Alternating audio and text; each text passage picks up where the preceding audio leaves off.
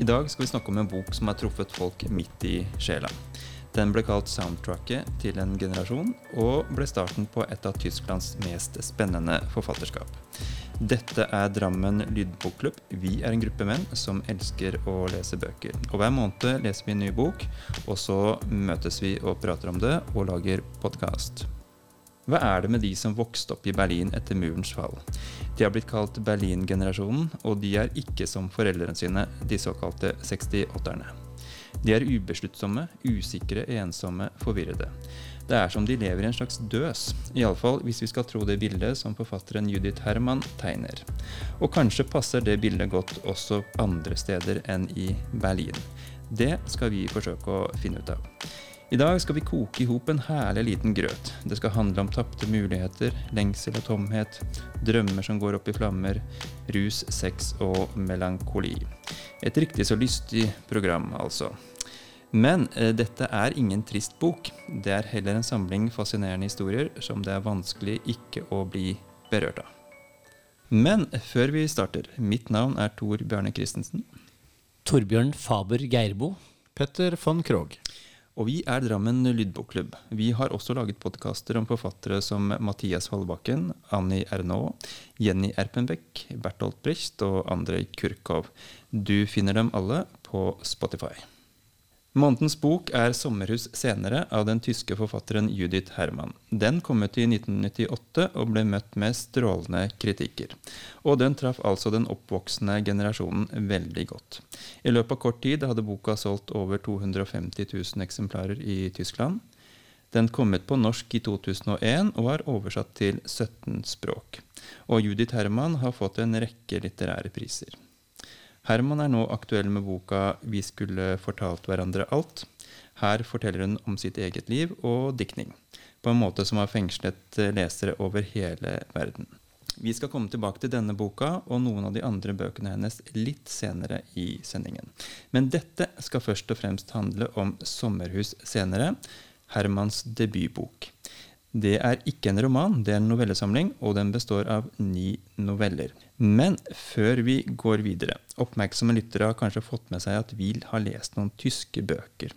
Og hva er grunnen til det, Petter? Nå har vi i Drammen eh, lydbokklubb holdt på i veldig mange år med å lese bøker. Og i starten var det kanskje litt mm, mindre retning på det vi valgte til enhver tid. Jeg har alltid vært stolt av at vi har vært en klubb hvor vi ikke sammen har blitt eh, Eller hvor, unnskyld, hvor vi sammen har blitt enige om bøkene hver gang. Mens jeg opplever at mange andre bokklubber der må det gå på rundgang hvis man skal bli enige om noe som helst. Men vi har liksom alltid blitt enige. Og det har gjort oss litt bevisste på at det å velge en bok, det kan kanskje ses i en større sammenheng med fordel. Og nå har vi tenkt litt sånn at vi er inne i en tysklandsfase. Og eh, det er jo derfor vi har lest en del tyske bøker i det siste. Der Judith Herman foreløpig er den siste av disse. da. Og det er rett og slett for å komme litt tettere på ikke bare én forfatter eller én tittel, men kanskje prøve å forstå litt bredere da, om uh, denne del, liksom forfatteren er del av noe litt mer, eller om det er en, en, slags trend i nettopp det landet vi velger, som kan være av interesse for oss. da. Og når vi har lest tyske forfattere, så ligger det jo bak at dette med murens fall har jo fascinert oss. Vi har jo alle levd og vært uh, relativt oppegående når, eh, når, det skjedde, i 89. Um, eh, brytningene mellom kommunisme og kapitalisme er jo alltid interessant, og er jo også noe vi har merka kommer fram i bøkene vi har valgt nå de siste gangene. Eh, og det toppet seg jo, vil jeg si, da vi var innom den internasjonale litteraturfestivalen i Berlin nå for bare halvannen uke siden. Eh, en slags rosin i den tyske pølsa for oss. Ja, og, og vi var jo til stede på, på et foredrag med Herta Müller. Og det hadde jo vi gleda oss veldig til. Det eneste problemet var at det, det var på tysk. Eh, og den eneste av oss som forstår tysk, det er jo Torbjørn. Eh, og det var jo flere av medlemmene som sovna under foredraget, så vi fikk jo ikke dette ordentlig med oss. Men, men, det hun fortalte om, det var egentlig veldig interessant. Hun fortalte om, eh, om forfattere i eksil, og Herta Müller er også en forfatter i eksil. Så, så vi fikk jo da et resymé av Torbjørn eh, etter, eh, etter foredraget. Ja, fikk oss en liten nesestyver, vi andre, da. For alle trodde jo egentlig at dette kom til å gå veldig bra. Tysk, ikke noe problem. Man har da skoletysken å lene seg på, men det holdt jo ikke da. Men til Hertha Müllers eh, fordel, kan man si, så er hun nobelprisvinner. Og hvis vi faktisk skulle ha greid å konsumere høytysken hennes sånn på rappen, det ville jo nesten vært for dumt.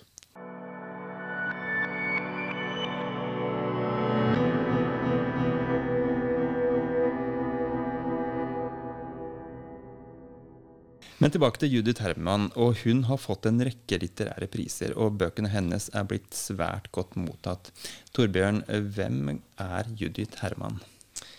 Ja, Hun ble født i 1970 og oppvokst i Berlin, og da rett vest for muren. Oppvokst med, med familie og eh, mor, far og bestemor og to mindre søsken. Hun studerte humaniora og deretter eh, journalist, journalistikk, før hun bestemte seg for å begynne å skrive. Og så har hun da skrevet en uh, 'Sommerhus' senere, altså en, uh, den novellesamlingen som kom da ut i 1998. Deretter så har det kommet seks utgivelser, større utgivelser, med novellesamlinger og romaner. Den siste som ble sagt, kom jo da i 2022. Og alle sammen er utgitt på, på norsk. Vi skal altså snakke om sommerhus senere, og det vil ta lang tid å gå inn i alle de ni fortellingene. Derfor, derfor har vi valgt ut to stykker. Vi skal snakke spesielt om Røde koraller og tittelnovellen 'Sommerhus senere'. Og Petter, Røde koraller, hva handler den fortellingen om? Dette er en uh, underlig liten fortelling der et armbånd med røde koraller står uh, sentralt. Og hovedpersonen uh, henger litt igjen i historier fra fortiden i familien sin. Um, hun bor i en leilighet i Berlin sammen med kjæresten sin. Han karen er helt uten livskraft, ligger på senga hele dagen, og Herman beskriver ham på denne måten. Han hadde fiskegrå øyne og fiskegrå hud. Han var som en død fisk. Han lå hele dagen på sengen sin, kald og stum. Han hadde det dårlig. Han lå rett ut på sengen sin og sa, om i det hele tatt noe, bare denne ene setningen, jeg interesserer meg ikke for meg selv. Og Et par ganger i uka så går kjæresten til en terapeut, men det virker jo ikke å hjelpe stort. Men disse historiene fra fortiden eh, som plager hovedpersonen, hva handler det om? Ja, det som er liksom gjennomgangs... Eller det det handler om, er oldeforeldrene eh, til denne jenta. De bodde i St. Petersburg i Russland. Oldefaren reiste rundt og bygde ovner for russerne, mens oldemoren da satt igjen i leiligheten i St. Petersburg. Mutters alene. Inntil eh, denne pene oldemoren da, eh, får besøk etter hvert av kunstnere og forfattere som har eh, oppdaget denne vakre tyske dama som sitter alene i leiligheten. Og eh, de finner interesse, interesse, i hverandre, og de blir jo da hennes elskere, da. Alle disse gutta. Og det er der dette korallarmbåndet kommer inn, som er så sentralt i denne historien. Eh, og det utløser en kjede med hendelser eh, som ender ganske fatalt. Ja, altså, hun er tydeligvis veldig populær. For hun har mange elskere, og det gis gaver. Jo, men det, skal, det, hører med til fortellingen at oldefar er borte i tre år før han kommer tilbake. Og når han endelig kommer tilbake, så velger oldemor å ta ut en av disse Det er smykker stort sett hun har fått. Da. Og da velger hun å ta ut et korallarmbånd som hun har eh, fått av en ganske spesiell Nikolai. Og eh, tar det på seg.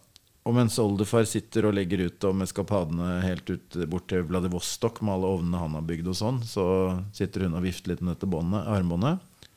Og så legger han merke til det.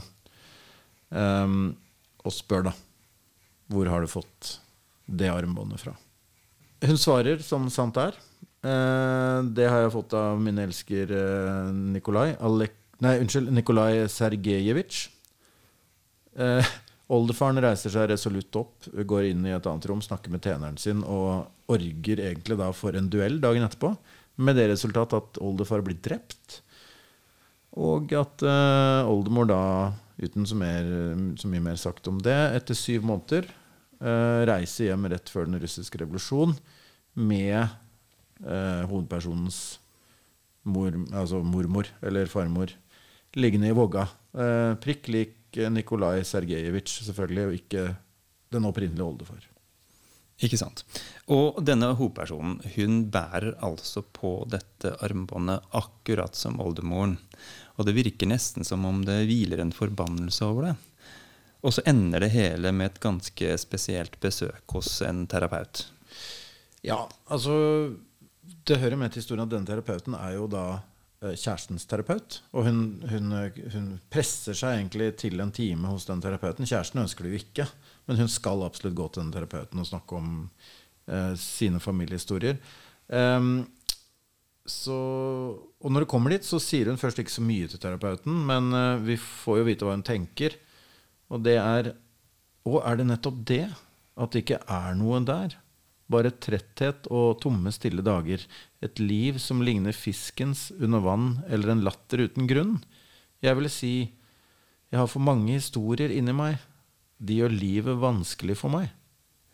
Og det er da, mens hun sitter der, at vi får den store, store klimakset, kan vi kanskje si, i historien. For hun sitter og med en, fikler med en silketråd i dette armbåndet. Og det består da av 675 røde koraller. Eh, og det fører til at det ryker, og alle korallene styrter utover gulvet. Ja, det stemmer. Altså, hun har jo da valgt å ta på seg dette armbåndet eh, til timen, og sitter egentlig da og nøster i trådene til familiehistorien, kan man jo se for seg. Og det ryker. Og det, det, er, det er en litt sånn, sånn selsom eh, seanse, da, hvor hun, hun, kaster seg ned på gulvet og begynner å plukke opp alle disse 675 perlene, mens terapeuten bare sitter liksom og kikker på henne og lurer på liksom, Skal du plukke opp alle? Og så sier bare terapeuten timen er over for i dag. Og da blir hun så forbanna hun reiser seg og tar de perlene hun har rukket å plukke opp, og kaster det i ansiktet på terapeuten. Og så får vi da denne beskrivelsen. Verdenshavenes vannmasser veltet i en gigantisk grønn bølge over terapeutens skrivebord og rev ham ut av stolen. Den steg raskt høyere og løftet skrivebordet med seg. Enda en gang kom terapeutansiktet til syne over bølgekammene. Så forsvant det. Vannet sydet, bruste, sang og steg og skylte historiene med seg, skylte dem tilbake til tangskogene, til krabbebankene på havbunnen. Jeg hev etter pusten. Og enda en gang så besøker hun kjæresten. Hun går hjem til han, og han ligger på sengen med buken i været og er ikke lenger i stand til å høre henne. Her er det mye å ta tak i, denne historien fra St. Petersburg, med duellen og den livstrøtte kjæresten. Hva fikk dere ut av denne historien? Det fortellingen ikke forteller noe om, er jo om noe særlig om hovedpersonen selv. Det handler jo bare om, om, om uh, oldemoren og, og om uh, kjæresten, egentlig. Så man blir liksom spent på hvem er denne personen selv? hva, hva, vil hun egentlig i sin egen, eget liv? Og det er kanskje det hun kanskje sier litt her òg. Altså, var det denne historien jeg ville fortelle? spør hun. og det er kanskje egentlig så vil hun fortelle sin egen historie, men hun kommer jo aldri dit, egentlig. Nei, eh, det er jeg helt sikker på at det er et poeng der med det hun sier. For hun kommenterer jo hele tiden Det er et par steder hun sier dette med Er det dette, dette som er historien jeg ønsker å formidle, fortelle, liksom? Og jeg sjøl blir jo litt fascinert av at uh, Jeg syns det er troverdig, men det å være så opphengt i gamle dager eller gamle historier, som jo er familien, men at de skal liksom ha så stor påvirkning på hennes nåværende liv um, det, det, det syns jeg liksom er Det ville ikke jeg kjent meg igjen i sjøl. Men så er det en liten detalj her også, som er det at eh, kjæresten hennes Han er ikke helt tilfeldig, han heller. For han er nemlig en eh, Han er oldebarnet til uh, mo, ja, denne tjeneren som uh, hjalp til å sette opp duellen. Fordi når moren fløy fra, tilbake fra Russland, uh, eller dro tilbake fra Russland, så tok hun med seg denne tjeneren. da Eh, noe han var evig takknemlig for at han fikk være med. Så de innleda ikke et forhold, oldemor og tjeneren, men, men, han fikk jo da en annen kone. Og, ja, så da har da hovedpersonen blitt sammen med barne, nei, unnskyld, oldebarnet. Så er jo, hun er jo omgitt av tidligere tiders eskapader og familieskandaler og, og det ene og det andre. Mm, og kanskje derfor liksom føler seg litt sånn fanget da, Og hun presser seg jo på en måte inn til terapeuten. Og jeg opplever at hun får liksom ut, eller oppnår det hun ønsker seg. Når hun kaster de perlene og liksom blir kvitt at det, armene ryker. Det skulle man jo tenke at å nei, så trist. Familiearven ryker og faller i, i, i tur, liksom.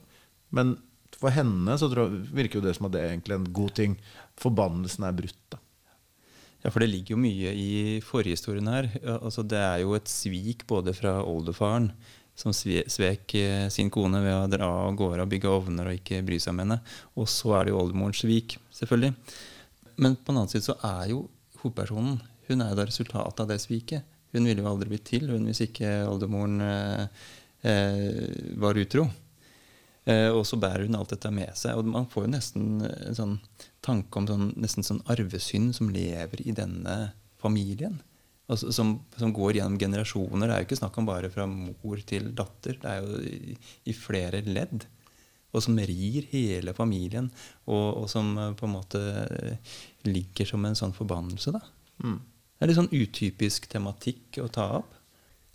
Ja da, men kan jo, når man har lest det siste boka hennes, så kan man jo kanskje kjenne igjen noe av tematikken her òg. Det er noe Hun bærer litt på noen eh, fortidens synder, hun òg. Det kan jeg røpe. Ja, det kjenner jeg meg litt Eller det er jeg enig i. Eh, Noen av de andre tingene hun skriver, det er akkurat som det er noe uforløst, kanskje. Eller det er noe hos hovedpersonene som Det er ikke helt på plass. Det de kanskje egentlig ønsker seg. Det er noen hindringer. Og det, det går inn her. Jeg opplever det for så vidt i flere av de andre novellene òg, at det, det er liksom Det er aldri noe Jeg vet ikke. Det, det er jo livet, da. Det inneholder så mangt, og det er hun veldig god på å få fram. Og det kan være ting fra så langt tilbake i familie og fortiden som fra oldemors eh, dager. Eller det kan være her og nå-ting som eh, gjelder for de andre novellene. Da.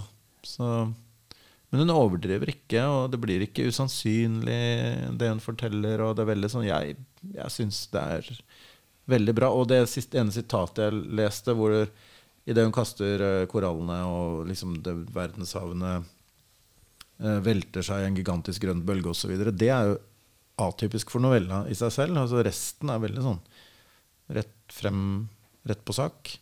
Vi skal komme litt tilbake til det, men det handler jo også om mennesker som kanskje ikke finner helt sin vei, og som er livstrøtte. Eh, De tynges av problemer. Eh, Det skjer ikke nødvendigvis så veldig mye i livene deres. Men det, på det indre plan så har de problemer, og, og det er terapeuter de går til. Og, og de, de, de, lever i en slags eh, Ja, altså han kjæresten er jo helt livløs, nærmest. Ja, eller er jo livlig. Eller ja, Ja. han puster vel, det er vel det eneste Ja, han det er til vel slutt. det eneste, og ikke interessert i seg selv. Så hun, hun griper jo tak i noe liksom, dette meningsløse, jakten på, på et innhold, og, og problemet med å forstå seg på seg selv og, og sin egen fortid og, og sin egen samtid, kanskje. Ja. Ja, og det, og det, det sier hun jo flere ganger. eh, Så hun parerer jo gjerne når hun forklarer at kjæresten ikke bryr seg om seg selv. Så sier hun det eneste jeg bryr meg om, er meg selv.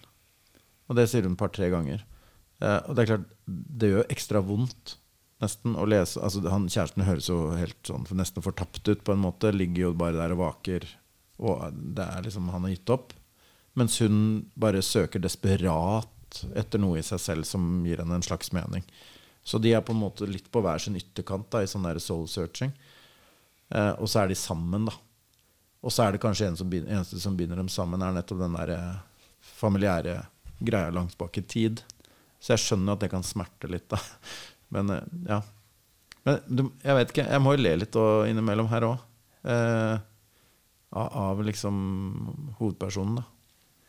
Ja, Det er jo også historie om et brudd med, med fortid, av et brudd med en kjæreste og et usunt forhold. Mm. Det, det å ja, rett og slett ryke trådene i, i den forbannelsen da, som har hvilt over henne, og, og komme seg videre. da. Så det er noe veldig befriende også i den uh, sluttscenen, hvor hun uh, kaster 675 koraller i fjeset på terapeuten og, og går videre i livet.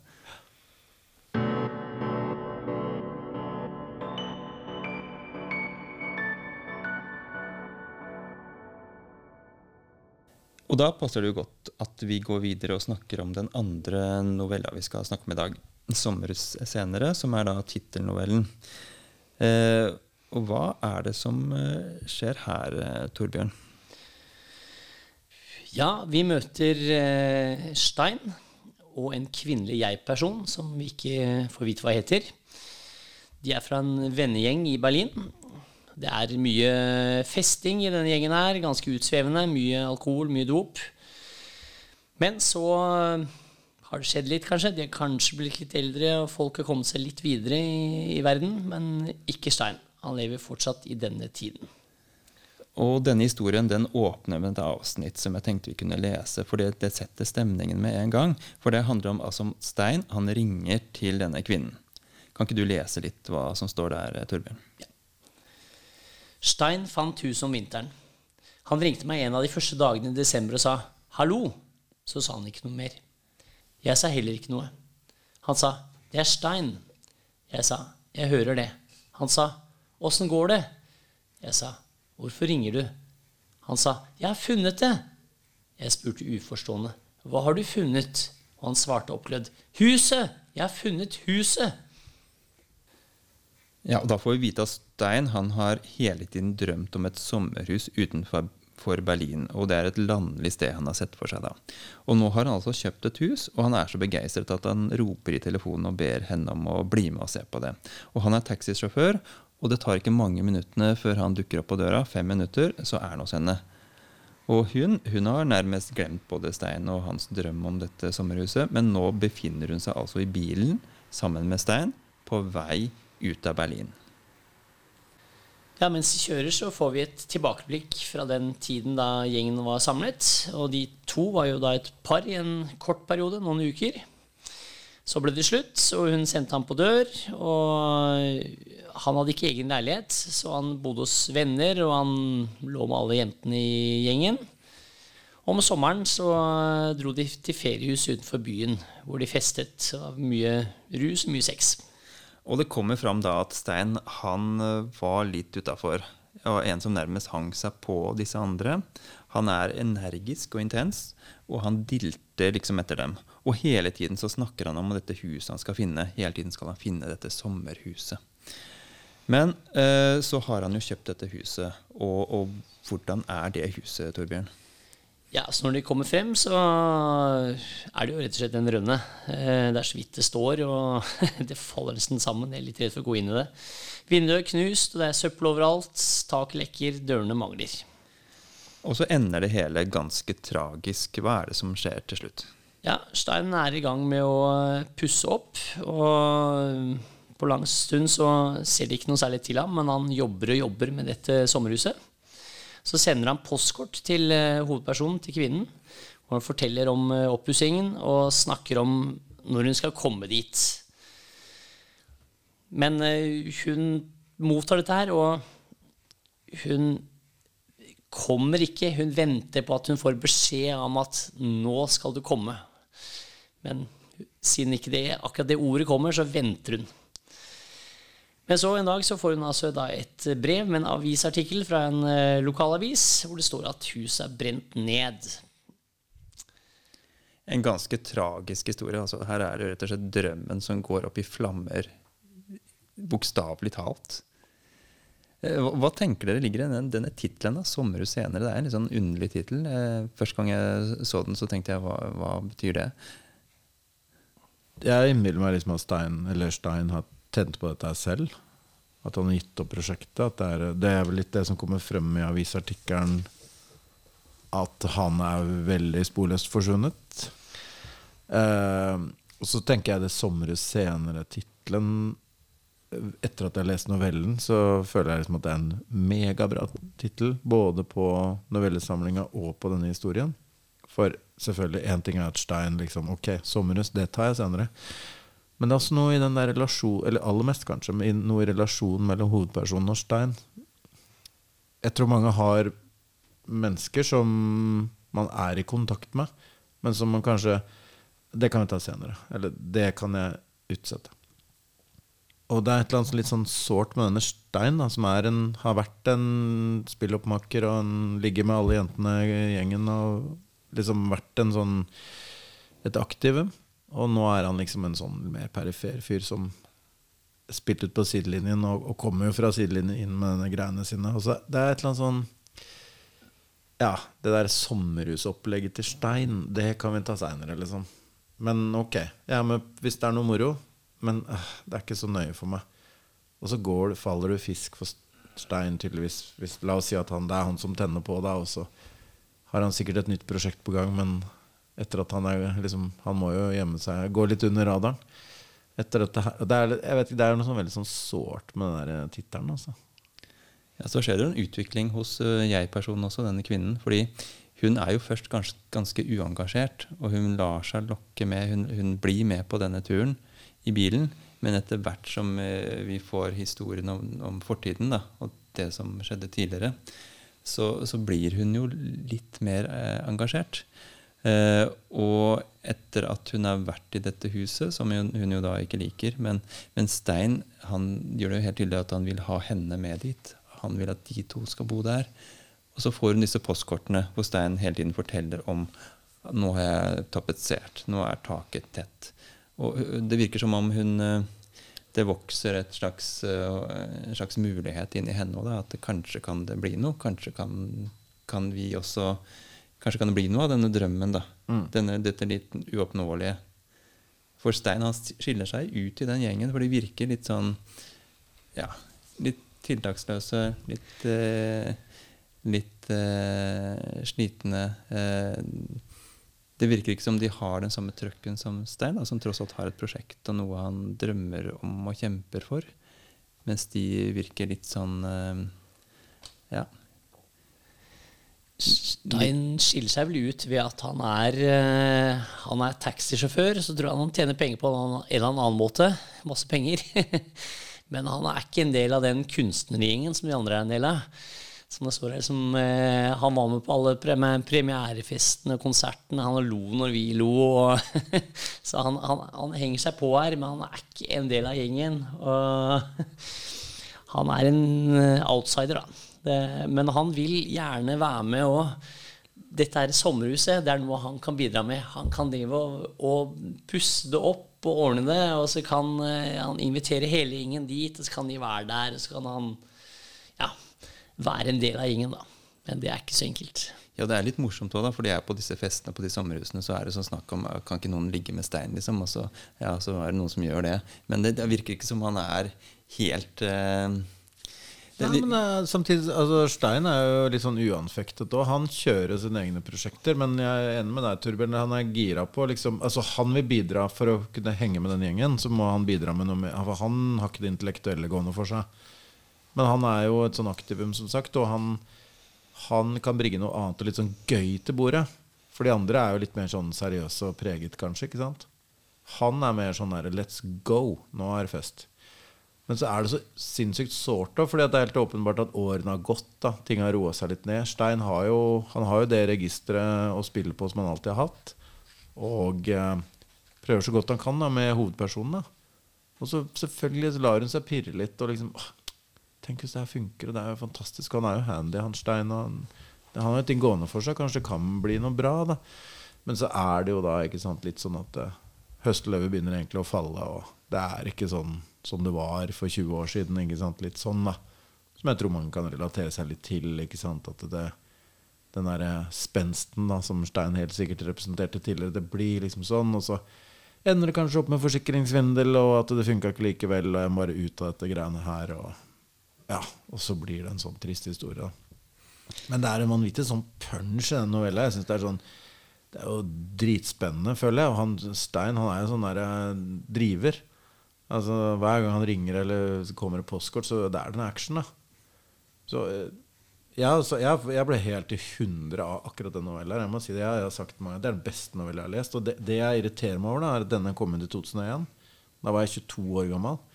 Og så leser jeg nå som jeg er liksom 3 og 44. Det er altfor sent. Jeg skulle lest den da jeg var 22. Så hadde jeg sannsynligvis reist ned til Berlin og liksom uh, bare 'Hvor er Judith Herman? Jeg må treffe hun dama her!' For det er dritkult. Det er så bra skrevet, syns jeg. Jeg synes Det er dødskul novelle. Ja, for det er veldig, veldig godt fortalt. Og hun, eh, hun begynner jo med dette, denne åpningen som vi leste, også, eh, som er fra nåtid. Og så gir hun drypp inn i fortiden, og veldig elegant. da.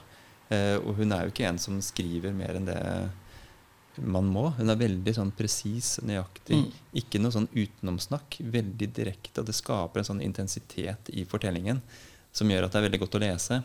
Og selv om det ikke det skjer veldig mye, det er jo ikke noe dramatikk, det er veldig, veldig lite handling. Eh, men du blir det, det, er engasjerende fortalt, for det er hele tiden noe du lurer på.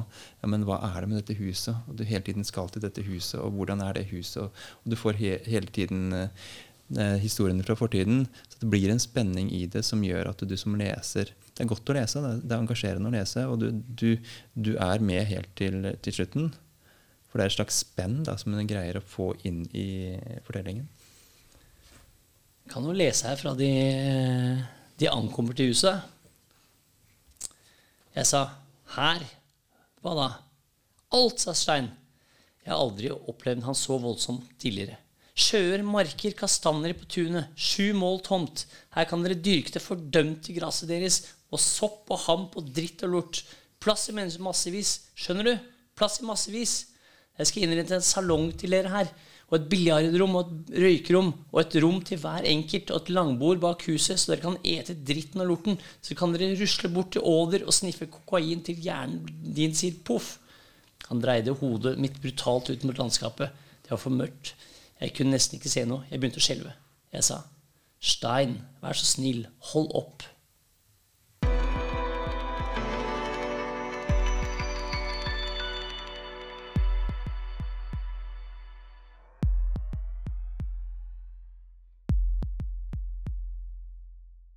Men det, det, det, bringer oss over til å snakke litt om de personene som uh, Judith Herman uh, beskriver.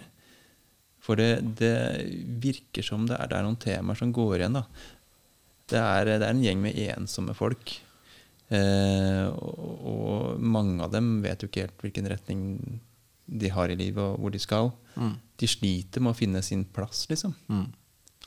Jeg tenker det gjelder både for denne og det, det, må jo nevnes at det som har skjedd, da Eller det som skjedde med en gang vi hadde lest mm, denne boka, var jo at eh, alle i klubben kasta seg over mer Judith Herman. Og det tenker jeg det skal Judith Herman ha. At eh, vi har virkelig blitt sånn uh, solgt.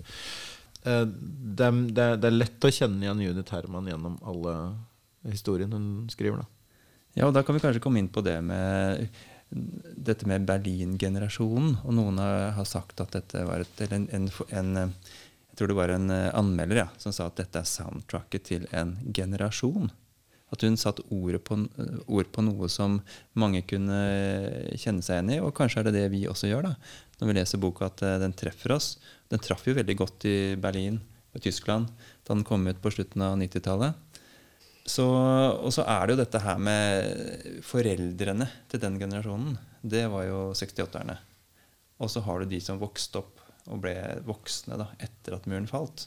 Eh, har det noe med, med, de store begivenhetene å gjøre? At, at, den generasjonen på en måte ikke hadde så mye å kjempe for eh, som eh, foreldrene?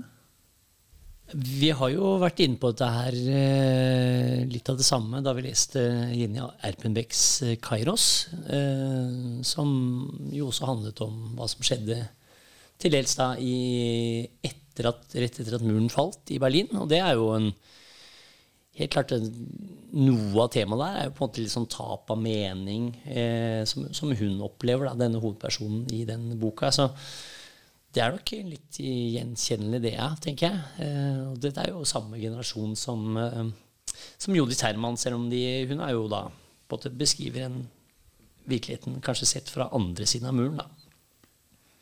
Ja, for det er ganske forskjellig. Du har hippiebevegelsen, ikke sant? og så har kom punkerne og, og rocken. Og det var, har vært mye opprør som har prega ungdomsgenerasjonene før denne, denne gjengen. Og, og, det bildet Herman tegner, det er jo ikke akkurat av noe ungdomsopprør.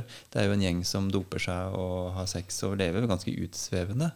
Eh, og de er prega av en slags sånn rotløshet. da.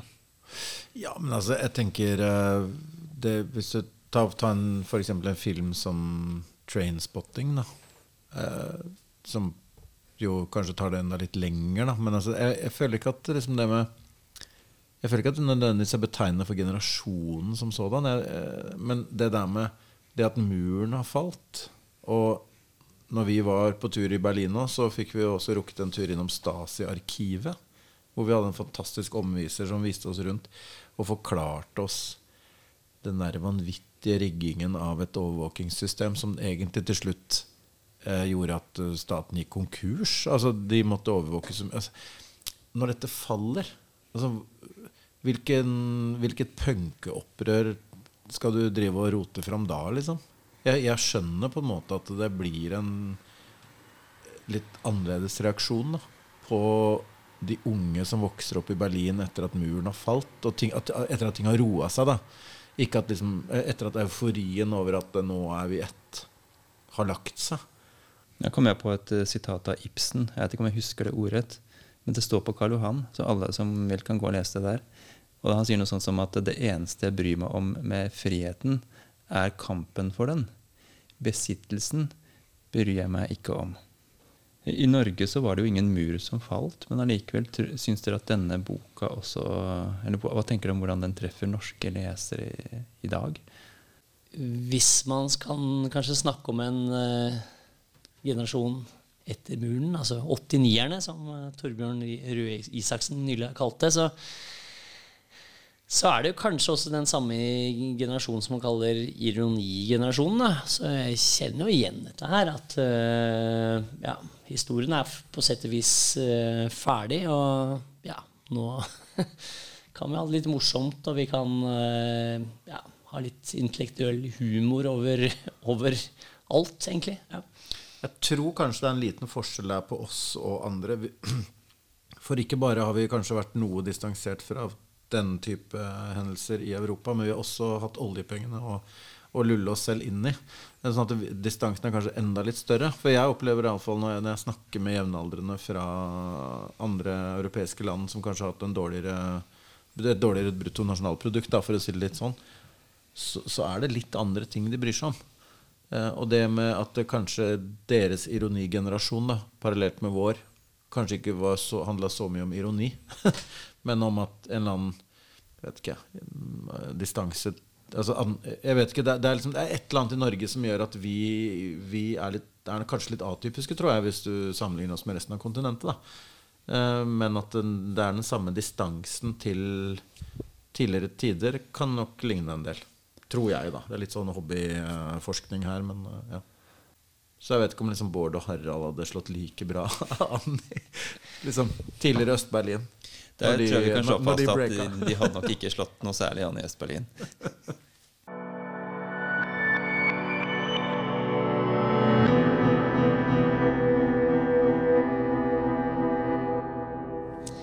Jeg tenker at det er på en måte interessant å se eh, Sommerhus senere sammen de senere bøkene av Jodi Terman.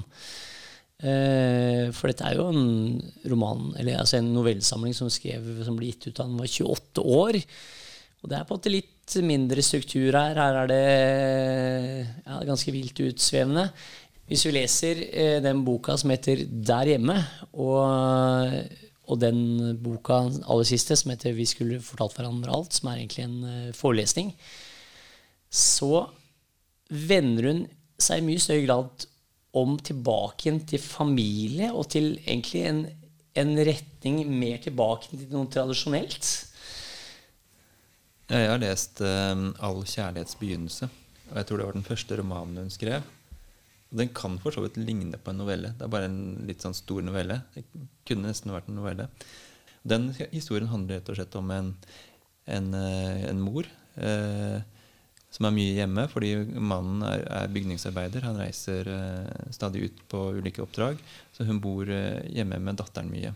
Og hun jobber som eh, slags hjemmesykepleier.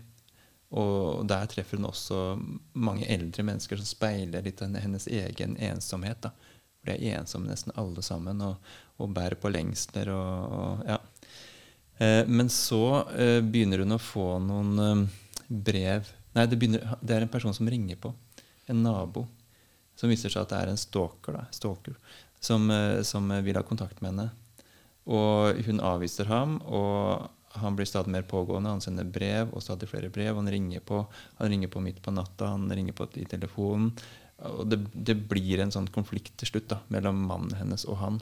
Men dette er også et dypt uh, ensomt og fortvila menneske. da. Det er noe med den der småbyen som disse bor i, hvor de bor veldig tett, og det blir beskrevet sånn, men det er altså allikevel en stor ensomhet da, menneskene imellom. Mm. Men jeg må bare si det. altså Der hjemme er jo helt der oppe blant bøker jeg har lest. Det er en kjempebra bok, liksom. Men uh, det er jo Det er litt grått, da, men ærlig. Du, du blir ikke sånn Du, du forsøker, får ikke inntrykk av at hun forsøker å male ut noe trist. Føler hun bare prøver å forklare hvordan livet er, kan være, alt dette her. Og så er det jo eh, det, det, skjer egentlig ofte når jeg leser bøker, så ser jeg liksom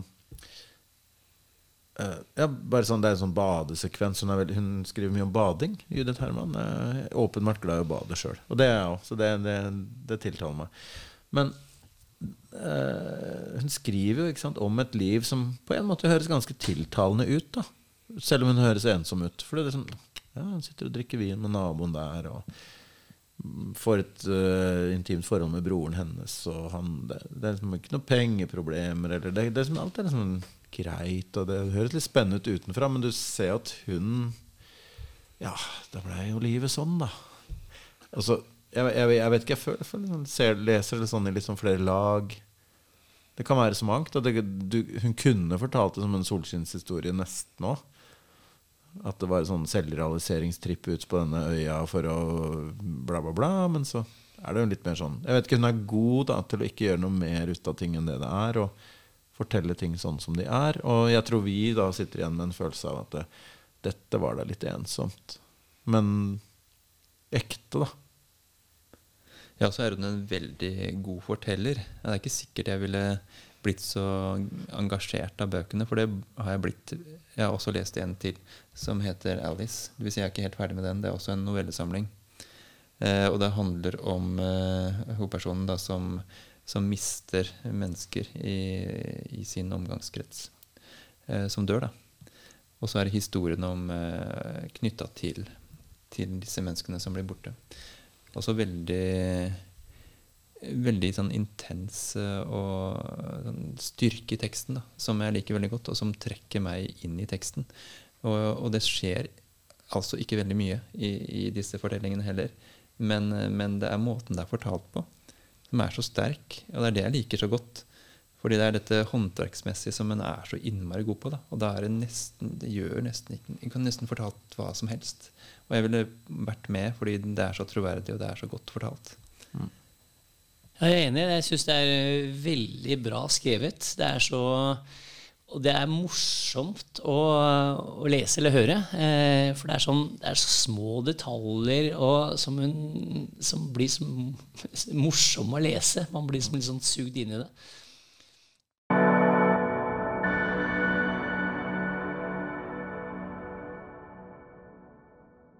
Vi må snakke litt om leseopplevelsen også. Og hvordan opplevde dere det å lese Judith Herman? Jeg eh, leste den fordi den var ikke så lett å få tak i eh, sommere senere. Fordi den er jo en gammel bok som jeg tror har oppnådd ny eh, popularitet nå. Så er det ikke så mange bøker på biblioteker, og ikke minst Altså ikke i bokhandler og sånn.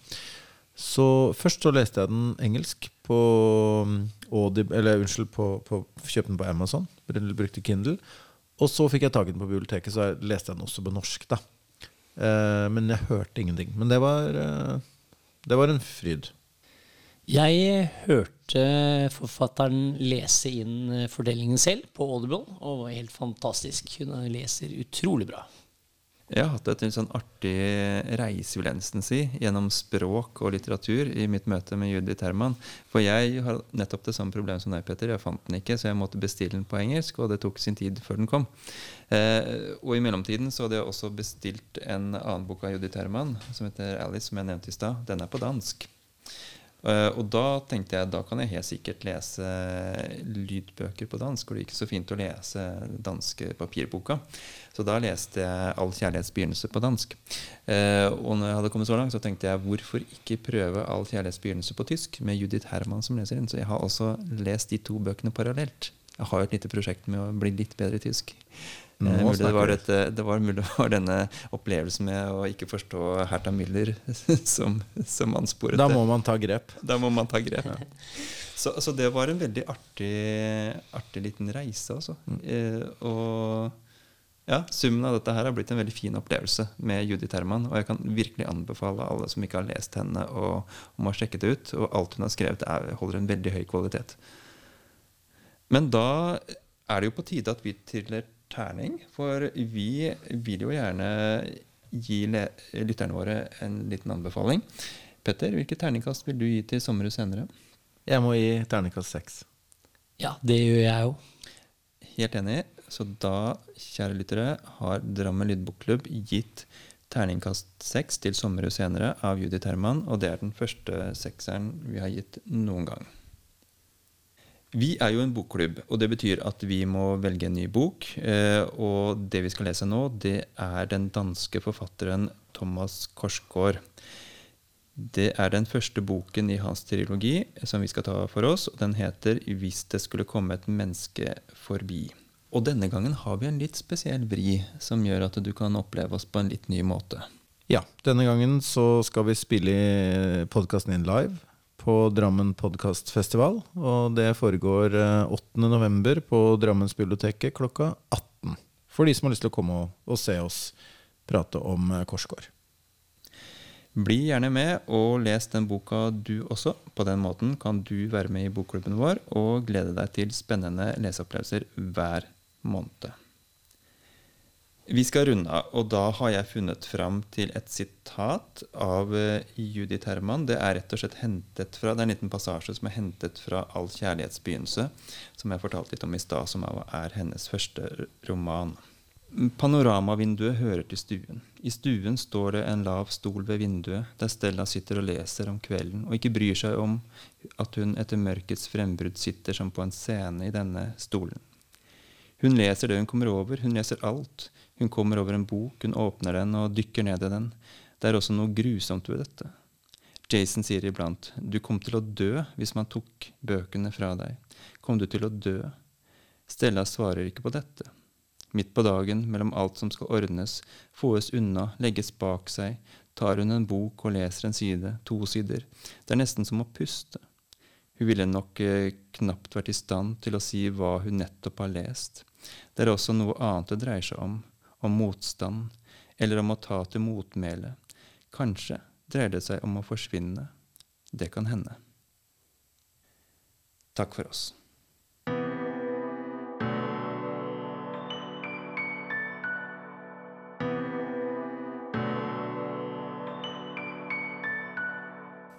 Du har nå hørt en podkast fra Drammen lydbokklubb.